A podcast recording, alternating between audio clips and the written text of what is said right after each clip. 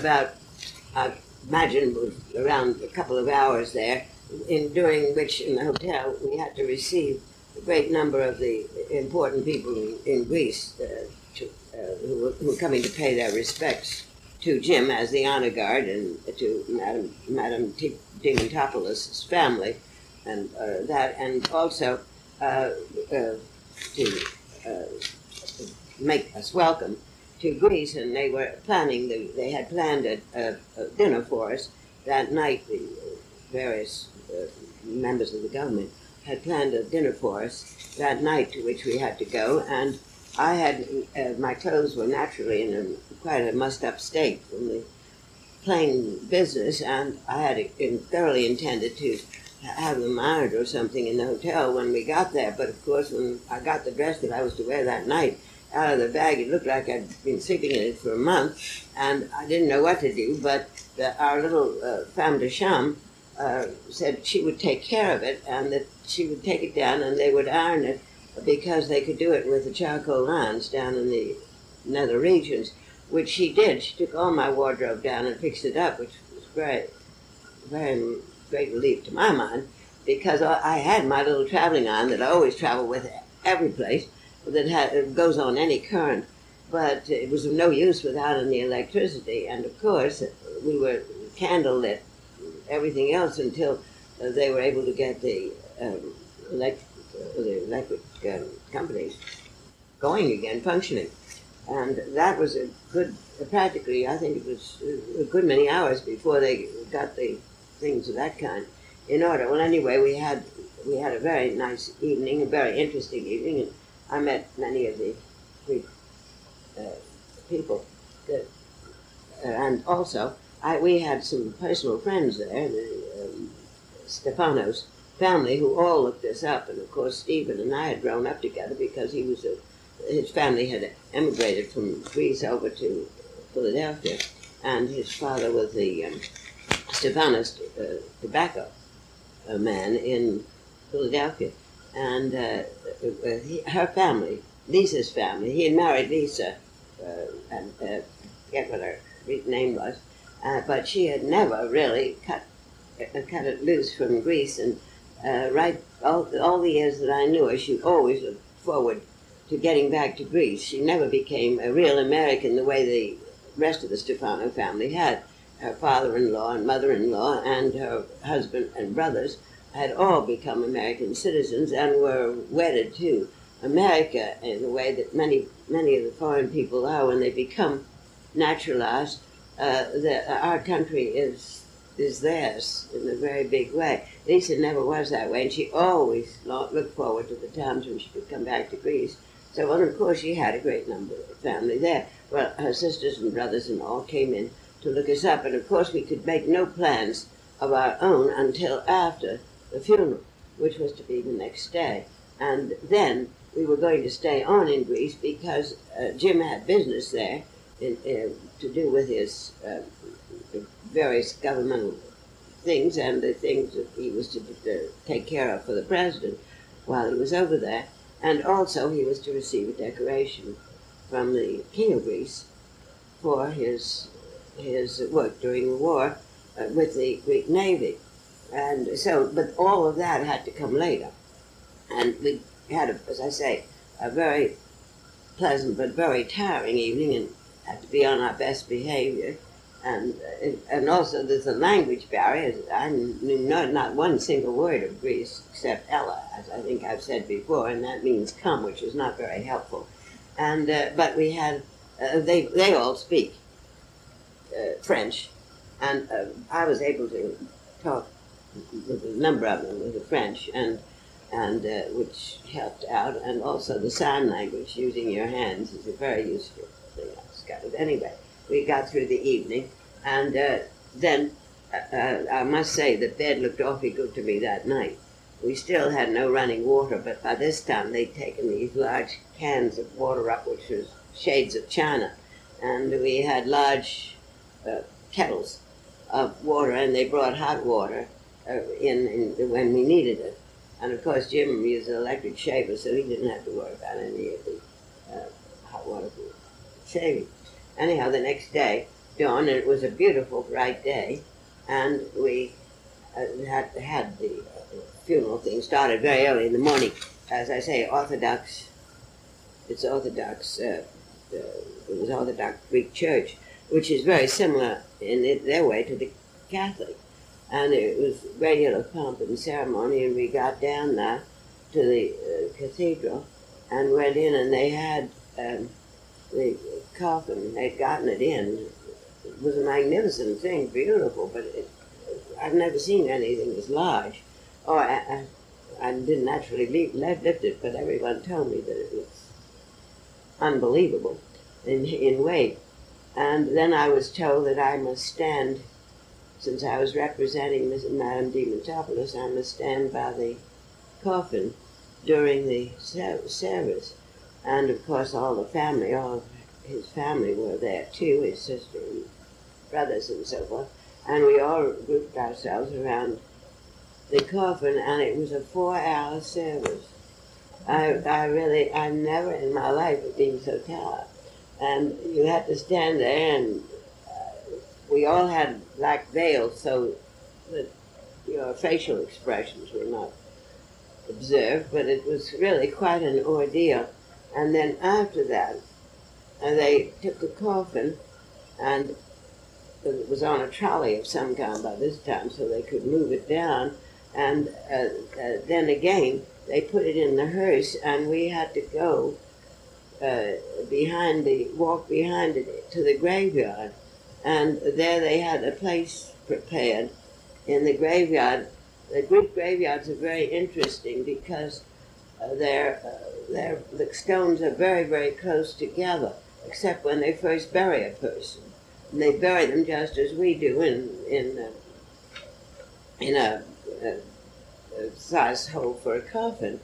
But uh, afterwards, the, uh, the um, bodies are, are taken out and, uh, and, the, and the stones put close together because uh, there isn't room in the graveyard for the full uh, body to uh, be there for uh, they can't accommodate everybody in this consecrated spaces. So that's all very interesting but they do that uh, with the different services that they have a month later two months later and then a six months they have and every year for many, for a long time, the families have services, those that are still there, remember to have services uh, in memory of the, the departed. But anyway, we got through the, the service and we got through everything, and then we got back to the hotel. And from then on, Jim and I were on our own until we left Greece. As far as, as uh, the Diamantopoulos family were concerned, we had done our part, and that was well taken care of. So then we started in, in that night. There was a large official dinner given for us by the uh, the government, and uh, that was a very grand affair, and uh, it was very interesting and lots of wine and and delicious food and beautifully done, and that was a very glamorous occasion. The next day, we were to um, go to the palace, and uh, so uh, and to have lunch with the king, following the giving of uh, the Phoenix medal to Jim for his services. So the next morning we rose up bright and early and walked around Athens a bit, which is a lovely, lovely city. And we decided where we were going to go when we went off on our own so, so that I could see all the points of interest. And uh, the various steps to the temples.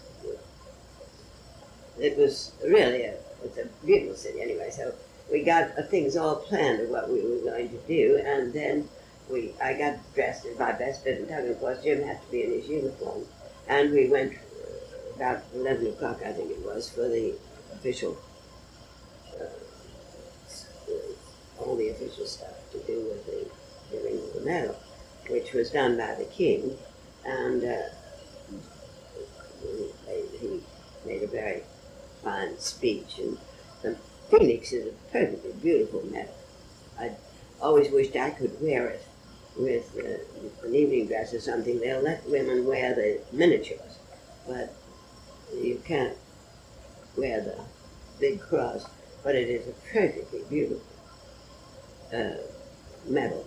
And then the phoenix is a, s- the silver phoenix bird, which is quite lovely. And of course, I have it here in Jim's medal, medal box down here. And uh, then we, uh, then we all got ready to go to the into the king and queen's palace, part of the palace, for the luncheon with Ambassador MacVeagh, who was our ambassador. I believe he was a. I think he had lost his wife. I think she had died fairly recently, because I, there was no Mrs. MacVeagh, and I think they told me he was a widower and had lost his wife recently. Anyway, we went into the palace. We had uh, one before luncheon, sherry before luncheon, and then we went into luncheon. And uh, King Paul was, of course, in his uniform, and so was Jim because of the things beforehand. But I was perfectly fascinated with King Paul, no matter where he went or whatever he did, he always had a monocle in one eye. And I, and when he laughed, anything he did, I never saw him without that monocle. And so when we were sat down to lunch, and I was sitting on his right, being the guest of honor, and of course they had lots of other guests. It was a long table, and Jim was by the Queen, I was by the King, and Ambassador MacVeagh was just across from me at the table, and um, of course uh, we've known uh, King Paul and Queen Frederica for a long time, from the days of of um, of Egypt, when Jim was and Frank lived right by them when they were in exile. So our friendship was much more than just king and queen and so forth. Of course, you observed the formalities when you were on a formal occasion, but here we were at luncheon and we were both all enjoying ourselves. But Ambassador MacVeagh, of course, had never known of any of this, and he looked quite horrified at me when he uh, turned around. I couldn't stand it another moment, and we had lamb chops, very thick lamb chops for luncheon, and I watched Paul, King Paul, was perfect, perfect fascinated to see him with his monocle in it, uh, cutting lamb chops, which I have enough trouble doing without any monocle. But he was doing a beautiful job, and finally I turned to him and I said, Would you mind telling me how in the world you keep that thing in your eye while you're uh, doing the lamb chops? And his wife down at the end of the table burst into a laugh, and she said, Well, Florence, if you want to know, he sleeps with it. And I thought that was a perfectly delightful thing. But Ambassador MacVeagh's horrified expression, he'd never heard such lese majesty, I think. And he was very much upset that it might make an incident, I think, or something. But anyway, we had a, a very lovely afternoon there with them. And then we left and went on back to the hotel. And that night, Jim and I decided we'd do a little night clubbing on our own. And we got a taxi and went out to where it was one of the places in the country that had been recommended to us, and we asked a couple of the Stefanos family, uh, to Lisa's family, to go with us. So we had a really Greek evening out in the mountains in a perfectly delightful uh, restaurant up in the hills overlooking everything, and that was really lovely. And then the uh, the next day, why we did our sightseeing, covering everything that you cover in Athens when you were there, which was Temple of the Virgins, and there's a picture of me climbing up the steps with my hat over one eye and absolutely breathless. But we got there, in the top of the Acropolis. We got there too, and then we went out to Piraeus, the port of Athens, which is really a lovely trip. We went out there so that Jim could see the Greek naval installations and so forth. And then we came back to the hotel, and uh, uh, then we made quite a few side trips while we were there up into the hills and around various places. And then we took a, a the boat trip out to the islands and back again. and then we came home, having had, having really, I really felt that I had seen a great deal of Greece and and gotten a very good insight into it, thanks primarily to the fact that we had some friends there already, and we made um, a couple of very dear friends while we were there, who, whose friendship is he, he uh, is, I think, at the present time perhaps head of the Greek Navy Tali. But at that time, he and his wife were, he was a captain in the Navy, and he and his wife took us all over. And really, with these, with these Greek friends, it was a wonderful way to see the country. And uh, as I say, then we flew back the same way. And I must say that uh, that we had the most wonderful pilot, as I, because he, we had he had been unable to have the instruments fixed. He flew in tally by radio contact or whatever. You, uh, not being a flyer, I don't know much about these things. But this time, at least, I had the consolation of having Jim in the quarters with me. We didn't. We could have proper meals served to us uh, on board. We didn't have to, and we could fly directly from Athens uh, home without making the, without making all these stops that we'd have to make on the way over, hoping to get the plane fixed. But it never was re- uh, fully repaired until we got back. However, I think it was a very good thing that we broke it in and that it happened to us and didn't happen to our president. Had he been making the trip himself, it would have been it would have been a very nervous experience, I think, for the country. So, anyway, we arrived home. Our Greek our Greek trip, and uh, and uh, the, uh, quite a few of of these other things which I have mentioned in, as we've gone along took all took part in 1947, and uh, this uh, uh, our Greek trip I think was in the latter part of the of autumn in 1947, at which time uh, Marty, our daughter, was at Connecticut Women's College, and uh, uh, uh Mary Paul was still in school in Wilson Wilson High School in Washington and uh, uh, we were uh, we were kept very well occupied. So I was very glad that the girls were old enough to take care of themselves, which was much easier than it had been when we were uh, when we first came to Washington, when they were uh, so young, that, and I had to leave them so much. Uh, it was very very difficult. But now they were able to uh, take care of themselves, and I could breathe a sigh of relief. Anyway, about this time, Jim received notice that the King of England uh, wanted him to have a decoration for his work during the war with the British when he was a liaison officer uh, on, with the British, a liaison officer go between our country and the British.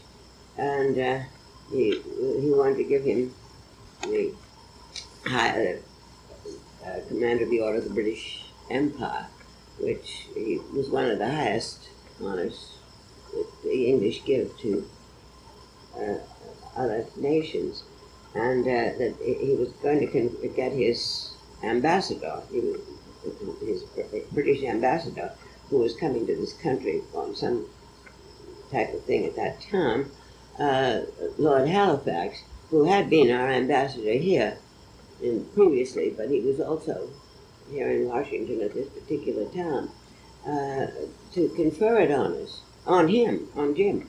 And uh, so Jim came home all pleased about this to tell me that he was getting this honor and that they had wanted to have a very formal luncheon for him after the uh, conferring of the medal. And uh, when he said that Lord Halifax was going to confer it on him, I took a deep breath and said, Well, I didn't think that I could go. And Jim said, Why not?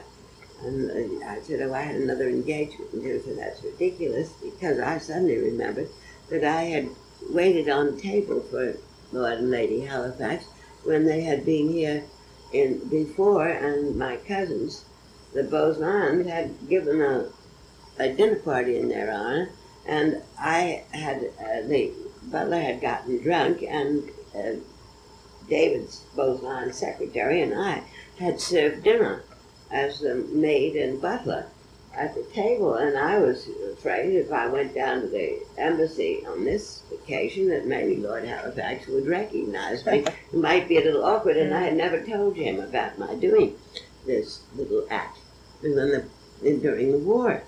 So I didn't know what to do, and Jim said, "Well, that was utter nonsense." And never heard of such a thing. And finally, I had to break down and tell him. Well, he laughed. He thought it was the funniest thing he'd ever heard.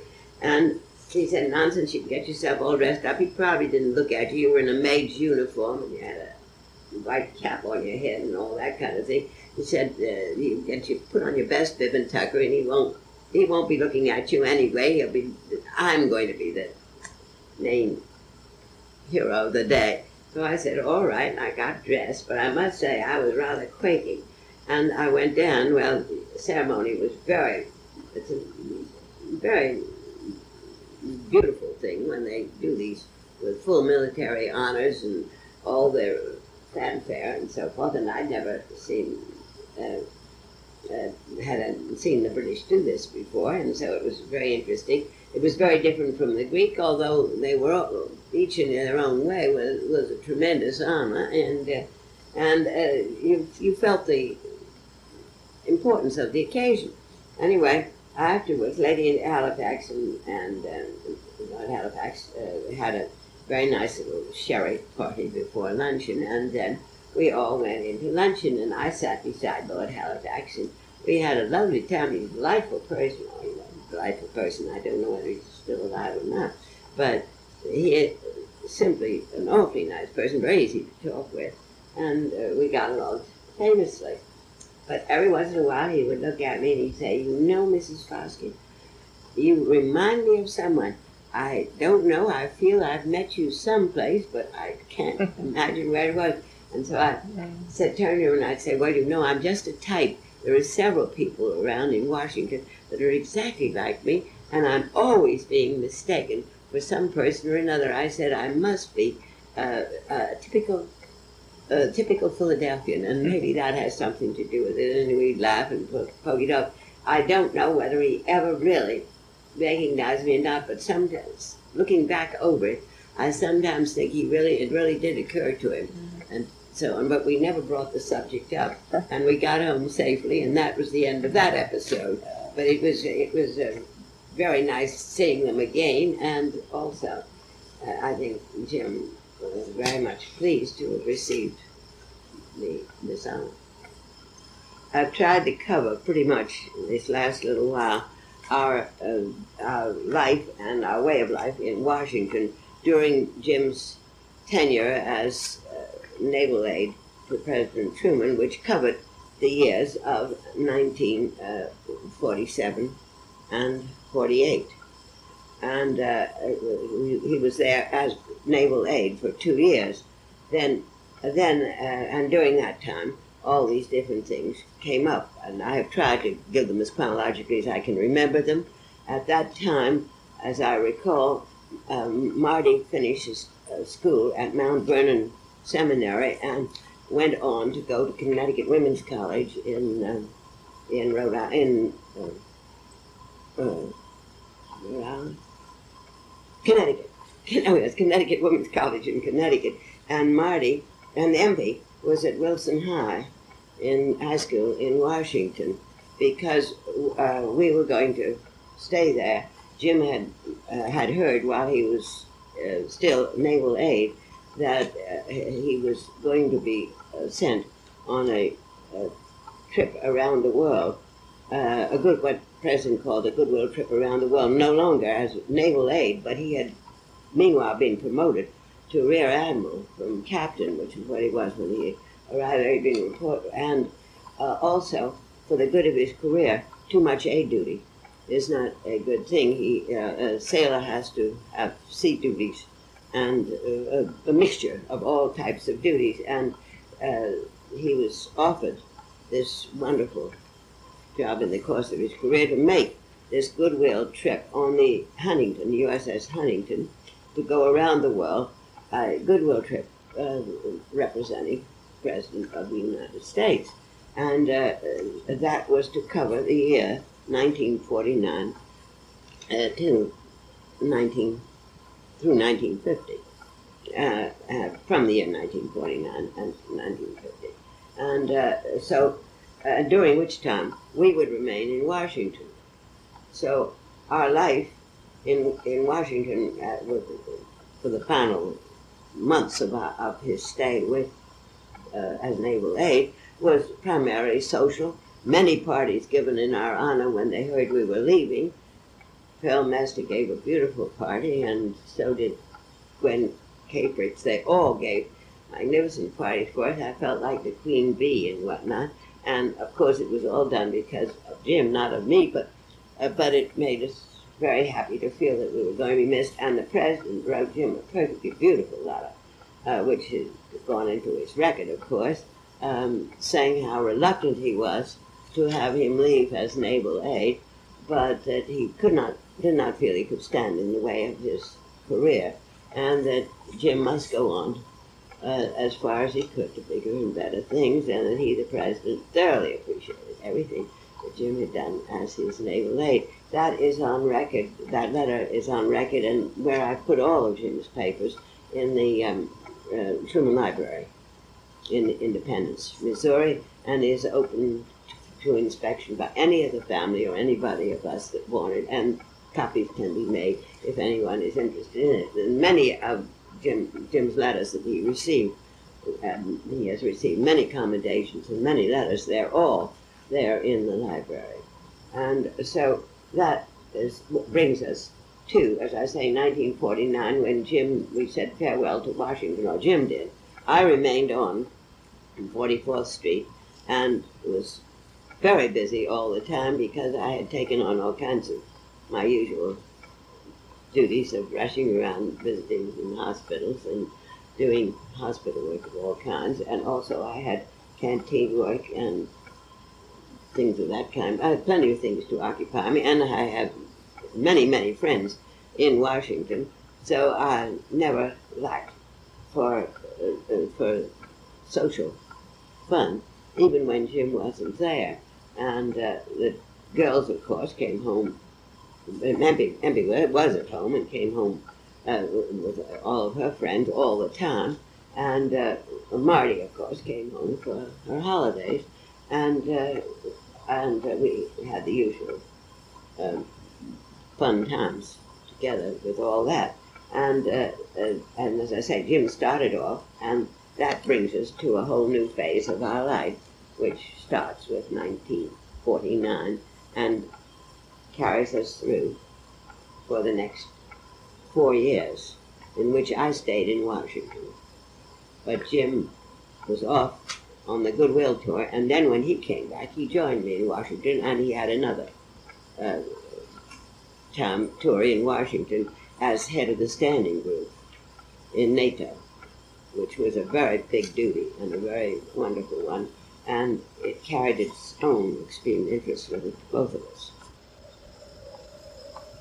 1949 to 1950 found Jim off as commander of Cruiser Division 4 on this, this goodwill trip around the world, in which he covered a good part of the world, and during which, as I've said before, the girls and I stayed in, in Washington, and they went on with their uh, college and their school careers until he came back.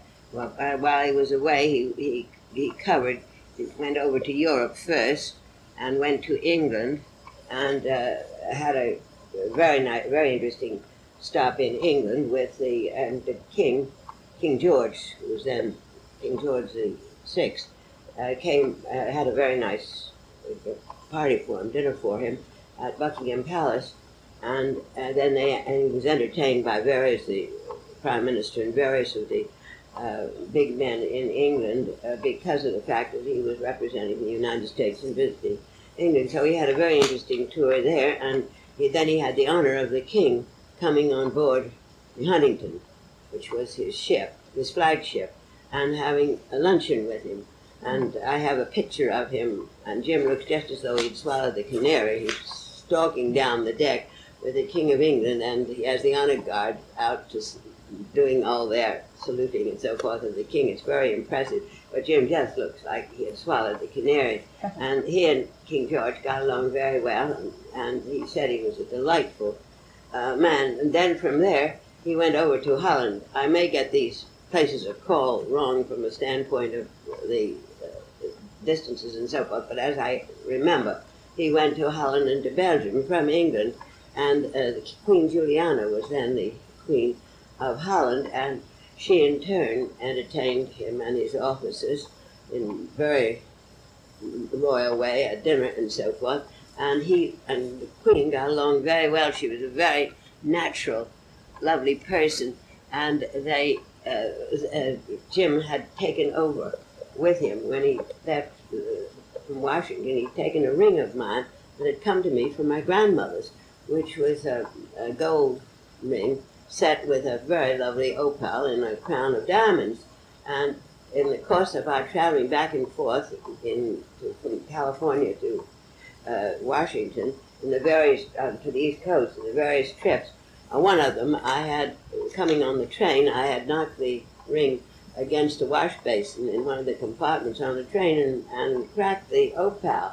Uh, the setting was still perfect, but the opal had a crack in it, and I never wore it anymore. So Jim said to me, went over, let me take the ring over. I'll be going to India and going to Holland and going to the various places where they make, where they have these lovely jewels and make a specialty of it. And he said, I'll see if I can pick up a stone that we can afford to put in it. Uh, when I'm over, and uh, if I can find a jewel, I'll have it put in. Well, when he got to uh, Holland, of course, and in Amsterdam, uh, they have these wonderful jewelers, and he was talking with the Queen uh, about this ring that he brought over of mine. He always talked about the girls and myself, everybody tells me, when he went any place. And the Queen was interested in his tales of our life together and so forth. And then he mentioned the fact that he had this ring, and could she recommend a jeweler in Amsterdam who could uh, set a stone for us? And she said, uh, oh, she said, you can use my jeweler. She said, I'll give you a note and you can go to my jeweler and he'll take care of you in every way. You take the ring to him and see what he can do. So, with armed with the Queen's credentials and whatnot, he went to the Queen's jeweler and sure enough, his jeweler took immediate interest in him and anyway, he liked the setting, which was the old-fashioned setting of grandmother's town, and the diamonds were rather large. It was really a very pretty setting. And he said, yes, indeed, he had just the stone to go in it, and he had an amethyst, perfectly lovely one.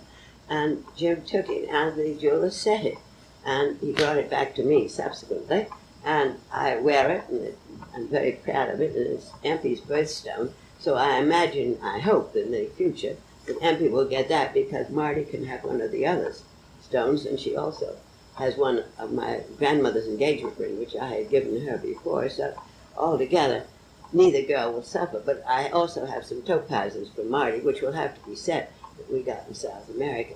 But um, this ring has always had this interesting history, and Juliana was so interested, and Jim took it to see it, show her afterwards. She was really awfully pleased with it. But anyway, he had a very lovely stay there, and then he uh, went on to a port of France and left his ship and went into uh, Paris, where we have some very good friends, and also he was entertained there by our ambassadors and so forth, and the uh, uh, VIPs of Paris and so on. And he continued on uh, to Greece, and he went the full tour.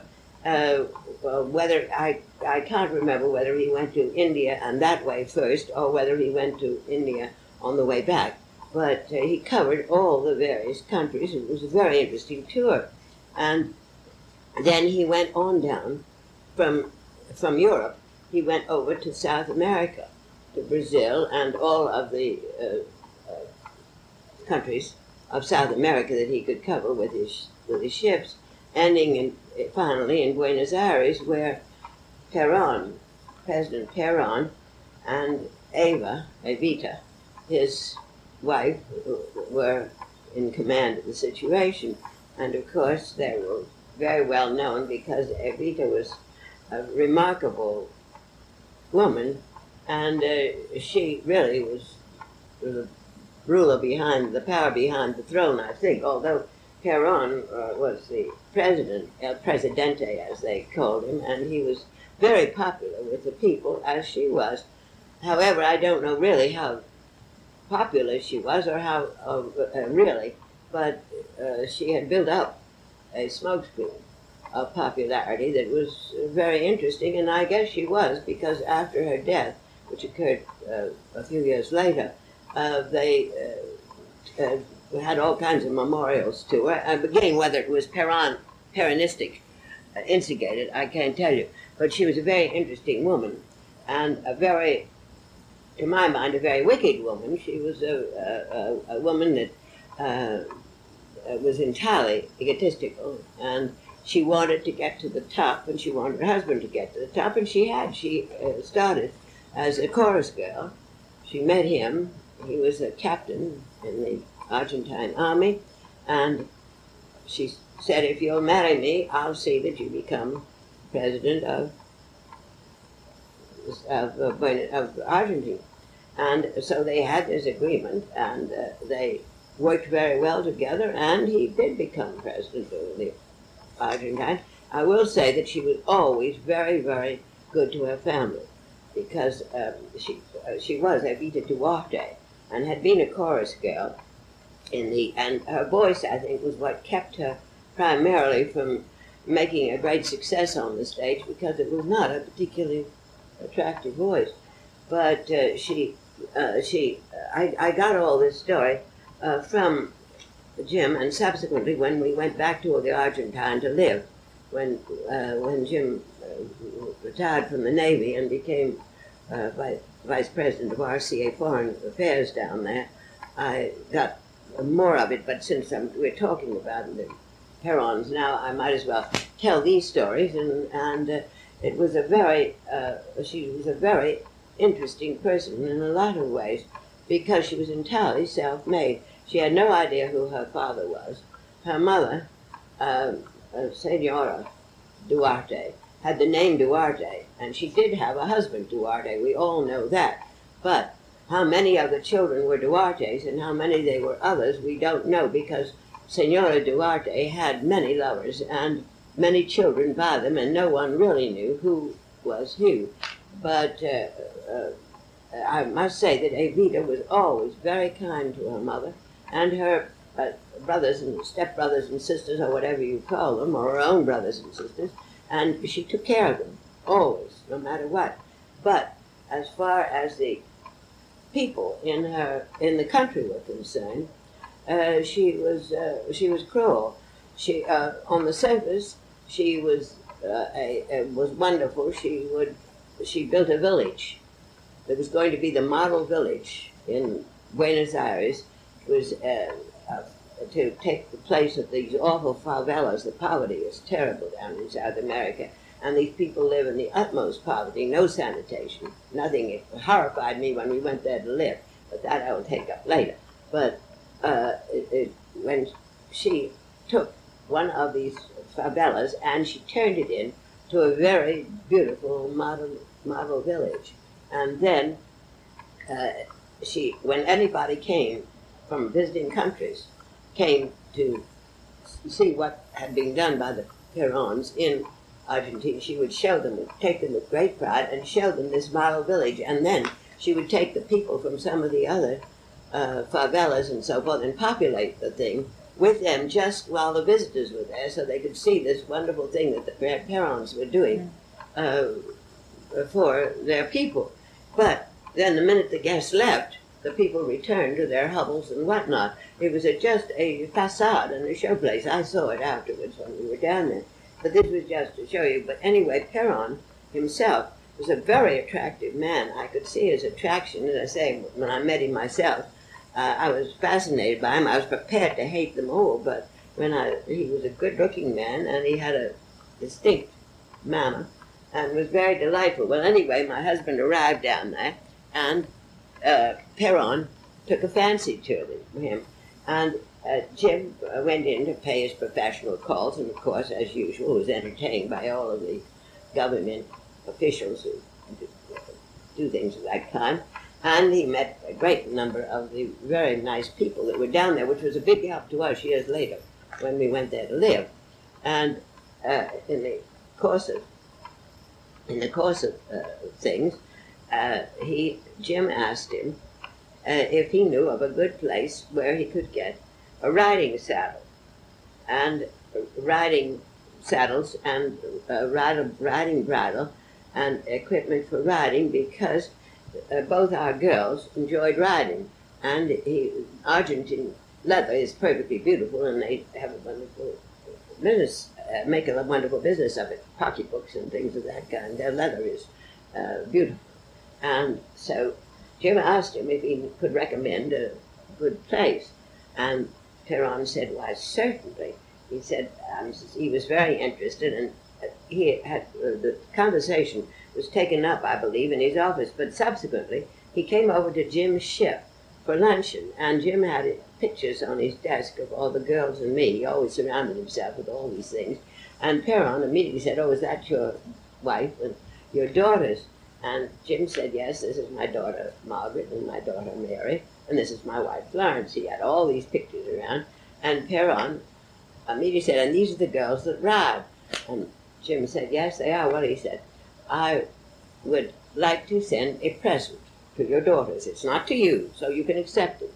Uh, because the rule in America is that you, no, no government, uh, no government uh, personnel may accept uh, gifts exceeding $100 uh, from any foreign person. And they don't advocate your accepting gifts of any kind. So uh, Mr. Peron said, this is for your, the president, Peron said, this is for your daughters, and I'm going to send them a present. He said, I'm going to send them uh, two horses. And Jim said, oh, I couldn't possibly. He was overcome. And what would we do with I guess in the back of his mind was, what will we do with the two horses? But anyways, uh, of course you can't be, he's on a goodwill tour. He didn't want to do anything to antagonize, and he said, oh, that was perfectly wonderful, but he didn't feel that he could possibly accept them because it wasn't done. Oh, yes, the president said, it is done. This is to your daughters, and in no way are you involved in any way. I've seen their pictures. I like them, and I want to send this present to them. And he said, you don't have to worry about the equipment. The horses will be completely equipped with saddles, bridles, and everything necessary, including the girls' riding costumes. And I'm going to send them South American girls' costumes for riding. The gaucho hats and so forth. Well, Jim was overcome, but all this took place down there. Meanwhile, I, in perfect innocence, was sitting back in, in Washington, uh, pursuing my usual things. I was very active in a great number of things. I was very busy. Marty was in Connecticut Women's College by this time, and Mary was getting ready to uh, graduate from Wilson High and subsequently went to Randolph Macon in Virginia.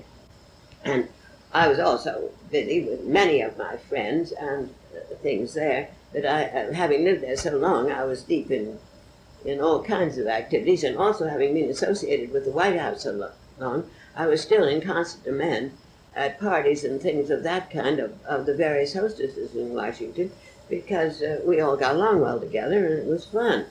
And uh, so, and one thing in Washington, you never had to worry about an escort. There were always plenty of single men, to uh, so that you weren't the extra woman at a feast there was always someone there. There was only two. Their husbands, their wives might be elsewhere, but they were. There was always a, an escort for you, so that made it very nice.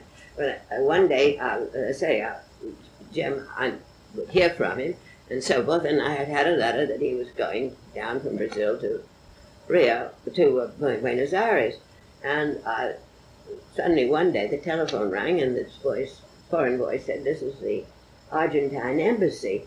Is this uh, Senora Foskett? And I said, yes, it is. They said, well, we want to ask you, what do you want to do with your horses? And I said, my what? And they said, what do you want to do with your two horses? and I said, well, I don't know anything about any horses. I said, we haven't got any horses. Oh, yes, they said, our president is sending your two daughters, the Senorita Foskett, is sending them two horses. And they're coming up and there will be a, a gaucho, which is a native horseman like our cowboys in the West, who will come with them to show them exactly uh, what needs to be done and how to ride them and so forth. And they are coming with their complete equipment. They're already on the high seas on the way up from the Argentine. They're coming on a freighter and they will land in Newark in about two weeks.